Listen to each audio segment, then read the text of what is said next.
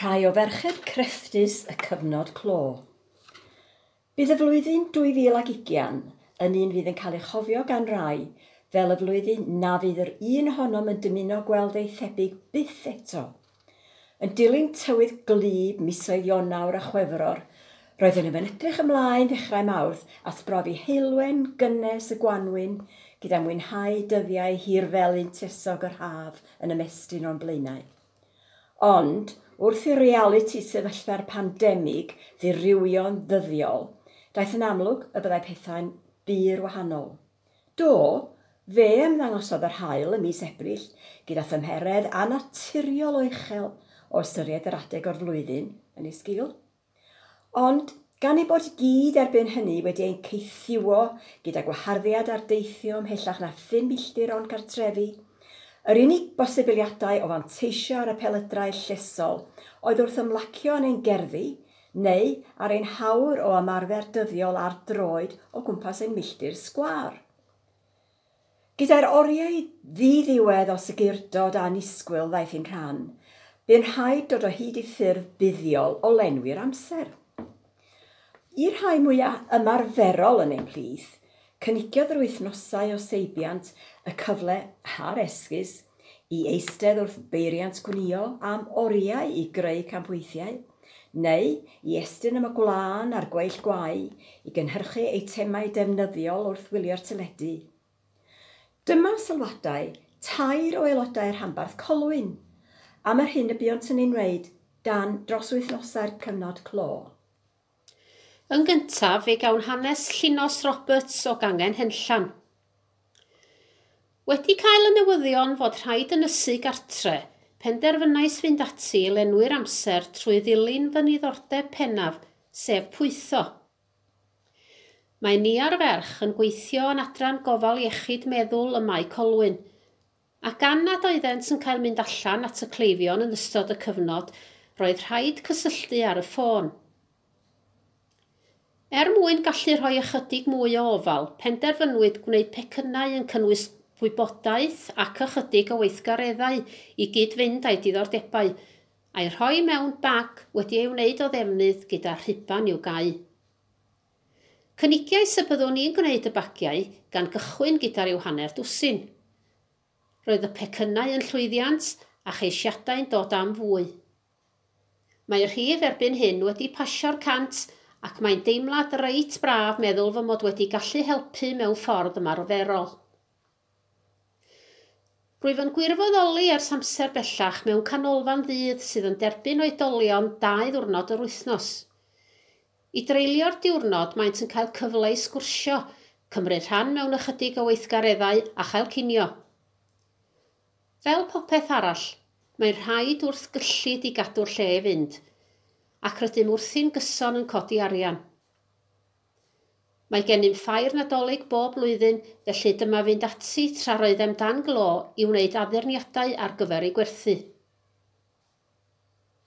Roeddwn wedi gwneud cwilt bob un i'm tair merch, felly gan fod gen i ddigon o amser ar fy nwylo, dyma fynd ati i wneud un i mi fy hun gyda'r dynyddiau oedd gen i eisoes wrth law ar gyfer ei gwblhau.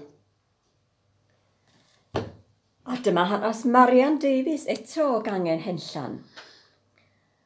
Yn ystod wythnosau'r cyfnod clo, bîm yn cefnogi Baby Basics Dyffryn Clwyd a gafodd ei sefydlu yn mis Tachwedd 2019 gan dair o famau ifanc sydd wedi gweld angen i gefnogi teuluoedd bregus, gyda'r rhai mewn amgylchiadau sydd yn ei gwneud yn anodd iddynt gael y pethau mwyaf sylfaenol ar gyfer babi.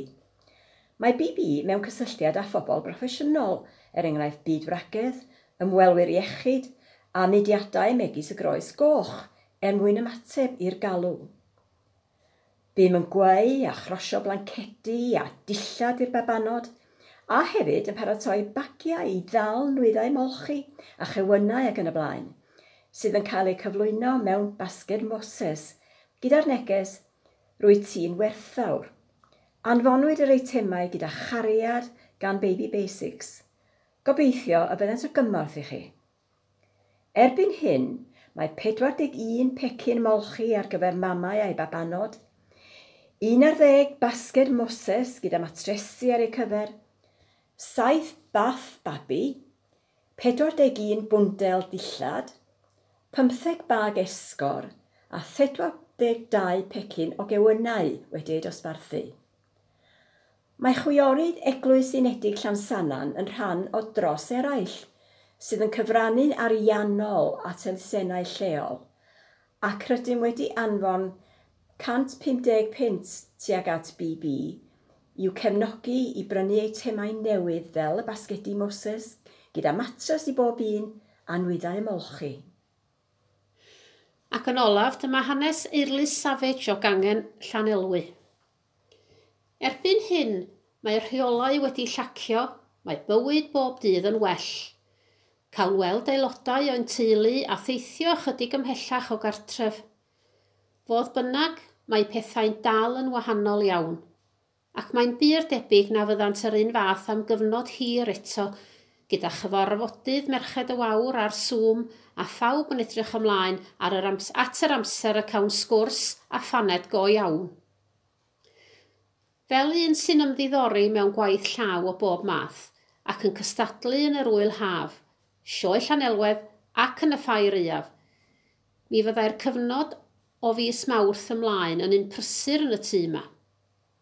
Edrych ar y rhestr testynau, chwilio am ysbrydoliaeth ac ar ôl cael syniad mynd ati i greu. Ond eleni heb gystadlaethau'r rhambarth, heb brysurdeb sioe Llanelwedd – a heb fwrlwm y ffair iaf, mae bywyd wedi bod yn od. Ymunais â grŵp cwiltwyr dyffryn clwyd, oedd yn pwytho sgrybs gyda'r rhai o'r grŵp yn cynhyrchu nifer sylweddol ohonynt. graffodd gwasg helygain y patrymau ac roedd canolfan ym mhrestatyn yn dosbarthu'r defnydd.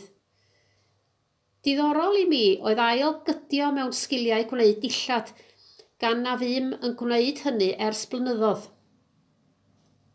Roedd edrych ar waith aelodau eraill o'r curo'r corona'n crefftio yn ysbrydoli ac yn dangos cymaint o wahanol fathau o waith a sgiliau oedd yn bosib ceisio eu hefelychu. Roedd hwnna am wrffen cwilt i ferch fach oedd yn hoffi cŵn, ac roedd y defnydd ar ei gyfer yma ers mis mae awst y llynedd. Mae'r cwilt erbyn hyn wedi ei orffen ac yn barod iddi pan ddaw i weld ei nain am y tro cyntaf ers y cyfnod clo.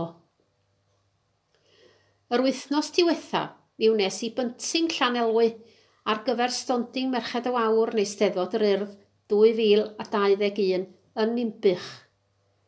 Rhaid byw mewn gobaith